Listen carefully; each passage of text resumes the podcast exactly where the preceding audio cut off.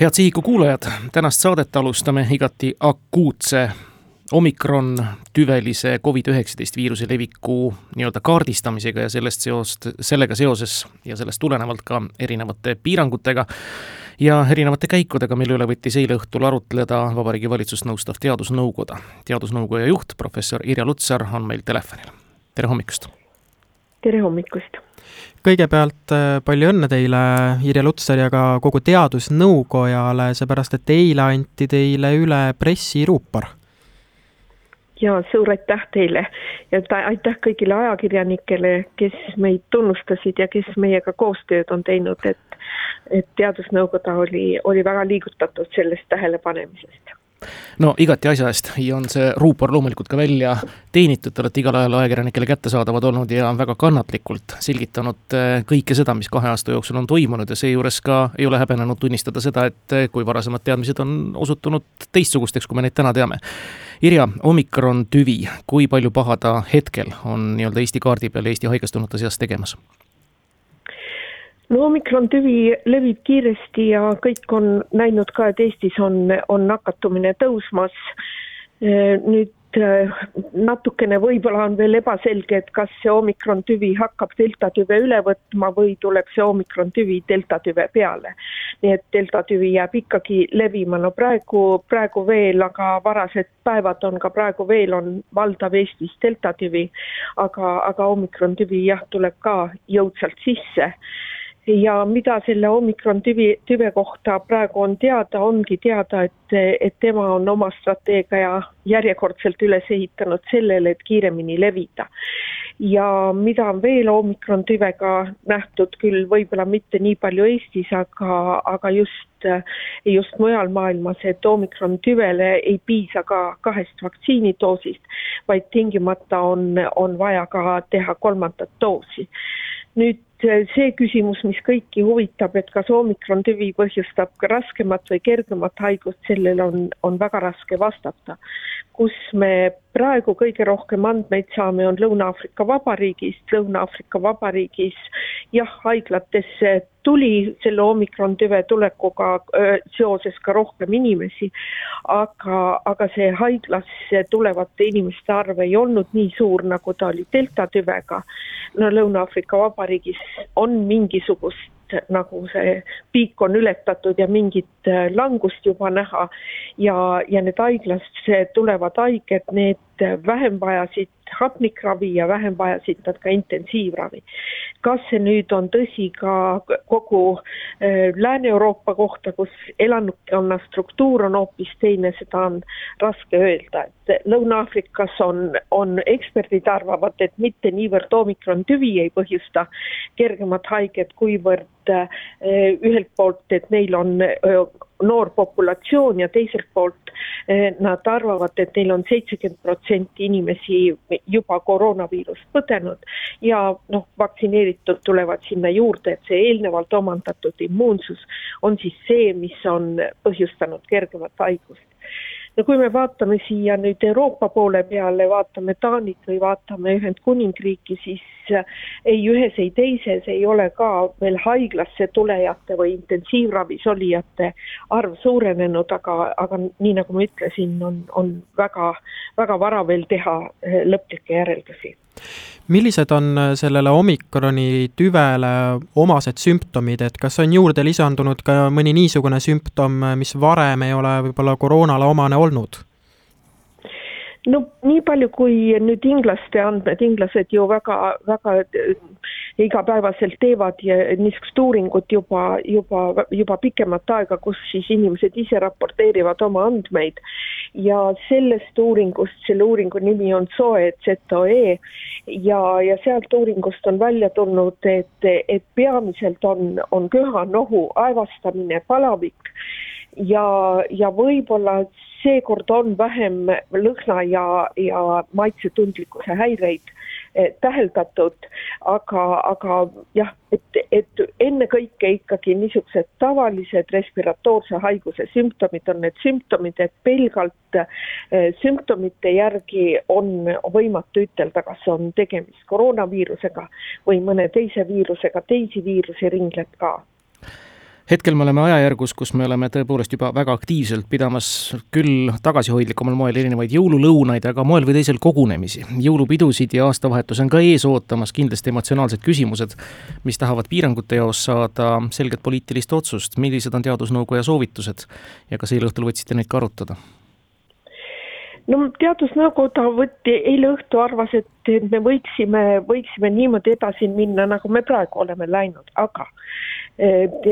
piiranguid ei pea kehtestama tingimata valitsus või, või seda, kuidas mina käitun, selleks ei pea, seda ei pea valitsus ütlema, teadusnõukoda väga sügavalt rõhub inimeste, inimeste enda vastutustundlikkusele. ja siin on siis meil niisugune kolm, kolm soovitust, süsti, vaktsineeri ja testi või, või eh, süstid, testi ja maski, vabandust. et eh, süstid, testid, maskid on, on siis see kolm, kolmandik, kolm asja, mida saab igaüks ise ära teha, et, et paneme maskid ette, kui on kas haigussümptomid või halvasti ennast tunda, siis tingimata ühelegi peole või koosviibimisele mitte minna ja endale koju ka mitte siis uusi inimesi kutsuda. ja, ja kolmandaks siis on, on see testimine. nüüd testimise juures peab ka kindlasti meeles pidama, et kui on halb enesetunne ja haigussümptomid juba, kasvõi väike nohu, siis negatiivne test tingimata ei tähenda, et ei ole tegemist koroonaviirusega. et see test on pigem ikkagi, kui sümptomeid ei ole ja siis tuleb positiivne test ja sellele tuleks siis peale teha, teha äh, PCR-test, et olla kindel, kas on tegemist koroonaviirusega või mitte, aga sümptomitega inimesel tege-, negatiivne test ka tingimata alati ei näita, et ei ole tegemist koroonaviirusega siin äh, omikroni tüve tõttu on näiteks Euroopas olukord selline, kus Holland on läinud jõuluks lukku ja ka Saksamaa on siis karmistanud selliseid reisipiiranguid. Kas äh, kuidagi on võimalik seda omikroni tüve Eestis ära hoida või see on pigem selline tuuleveskitega võitlemine? No niisugust omikroni tüve levikut ilmselt on, on, on väga raske ära hoida. võimalik on, Hollandi käitumine on jah huvitav, sest Hollandis olid juba haiguse, nakatumised olid langustrendis, kui pandi see täielik lukustamine. aga see on iga riigi enda otsus. nüüd piirangutega ühtegi haigust, piira-, piirangutega tuleb alati meeles pidada seda, et piirangutega kellegi eh, immuunsus ei suurene pigem hoopis vastupidi ja piirangutel on, on mõte siis, kui me need piirangute aega millekski tahame ära kasutada.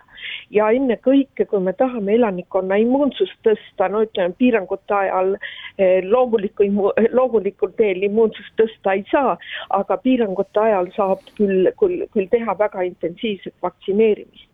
et aga piiranguid piirangute pärast ei, ei ole mõtet mõtet teha, liiatigi veel, kui, kui elanikkond nendega kaasa ei tule, et, et mulle tundub, et palju õigem on, et me igaüks kontrollime oma käitumist ja igaüks teeme selle otsuse, mitte et, et keegi kuskilt paneb piirangud peale ja siis me hakkame igaüks mõtlema, kuidas nendest piirangutest mööda saada. nii et, et, et väga, väga küll kutsuks inimesi üles ise neid, neid otsuseid tegema, et mis on õige ja mis on vale, et ma usun, et meie inimesed saavad sellega, sellega väga hästi hakkama ma arvaks ka, et enamik inimesi saab sellest hakkama ja enamik inimesi kannab endaga kindlasti kaasas ka vaktsineerimise passi või tunnistust selle kohta. sealt võib-olla järgmine küsimus, et eh, kuidas nüüd nende passide kehtivusajaga on, et see tundub ka olevat juba minemas poliitiliseks otsuseks, kaua kehtib, millisest doosist alates, kui palju, kas ma sellega sinna-tänna kolmandasse kohta sisse saan. kas ei ole teaduslikult noh, selget mingit teadmist antud asja kohta, et noh, pärast kahte mm, saadud eh, doosi vaktsiini. Me tõepoolest teame, et ütleme, viis kuud on see aeg, kus oleks tarvis mõelda nüüd kolmandale doosile, siis on küll kindlus taga ja võib ka inimene, kellelt passi küsitakse, muretult minna. Ja no e-, eks need vaktsiinipassid on niisamuti ajas arenevad asjad, nii nagu kõik asjad siin, siin e, puhangu ajal, et, et vaevalt, et aasta tagasi e, keegi, keegi nägi ette, et et tõesti need vaktsiinide mõju hakkab just kergema eh, nakatumise või, või nakatumise korral vaktsiinide mõju hakkab suhteliselt kiirelt langema. nii et nüüd on, nüüd on väga selge see, et, et kuskil, kuskil vaktsiinide mõju neljandal-viiendal kuul on juba väiksem, nii et kuuenda, selle tõttu ka vaktsiini ütleme, need tõhustusdoosid ongi soovitatud ja, ja ilmselt ka vaktsiinipasside niisugust kehtivuse aega pärast teist doosi. Eh, kindlasti praegu väga hoolega üle vaadatakse ja, ja Euroopa Liidus on juba tulnud see üheksa kuu või on pakutud välja ka see kuus pluss kolm, eh, kolm nõue, nii et seda ilmselt ka Eestis vaadatakse üle, et, et, et jah, et, et ilmselt see aastaks vaktsiinipassi kehtimine on, on, on liiga pikk periood, sest, sest selle aasta jooksul tuleks kindlasti teha ka, ka tõhustusdoos, noh praegu on soovitus viie-kuue kuu pärast teha tõhustusdoos, aga aga see pole ka kellelegi uudiseks, et väga intensiivselt immuniseerimiskomitee arutab eh, seda, kas seda tuua veelgi varasemaks ja kas tõhustusdoosi vähemalt eh, mõningatel juhtudel ei peaks oluliselt varem tegema, nii et et ilmselt need ka vaktsiinipasside kehtivusajade, aegade diskussioon on just praegu käimas aga suur aitäh teile, Irja Lutsar, Sihiku saates osalemast ja jõudu teile teie töös ja ka kena pühadeaega! Ja teile ka ilusat jõuluaega ja, ja püsime terveid ja teeme mõistlikke otsuseid!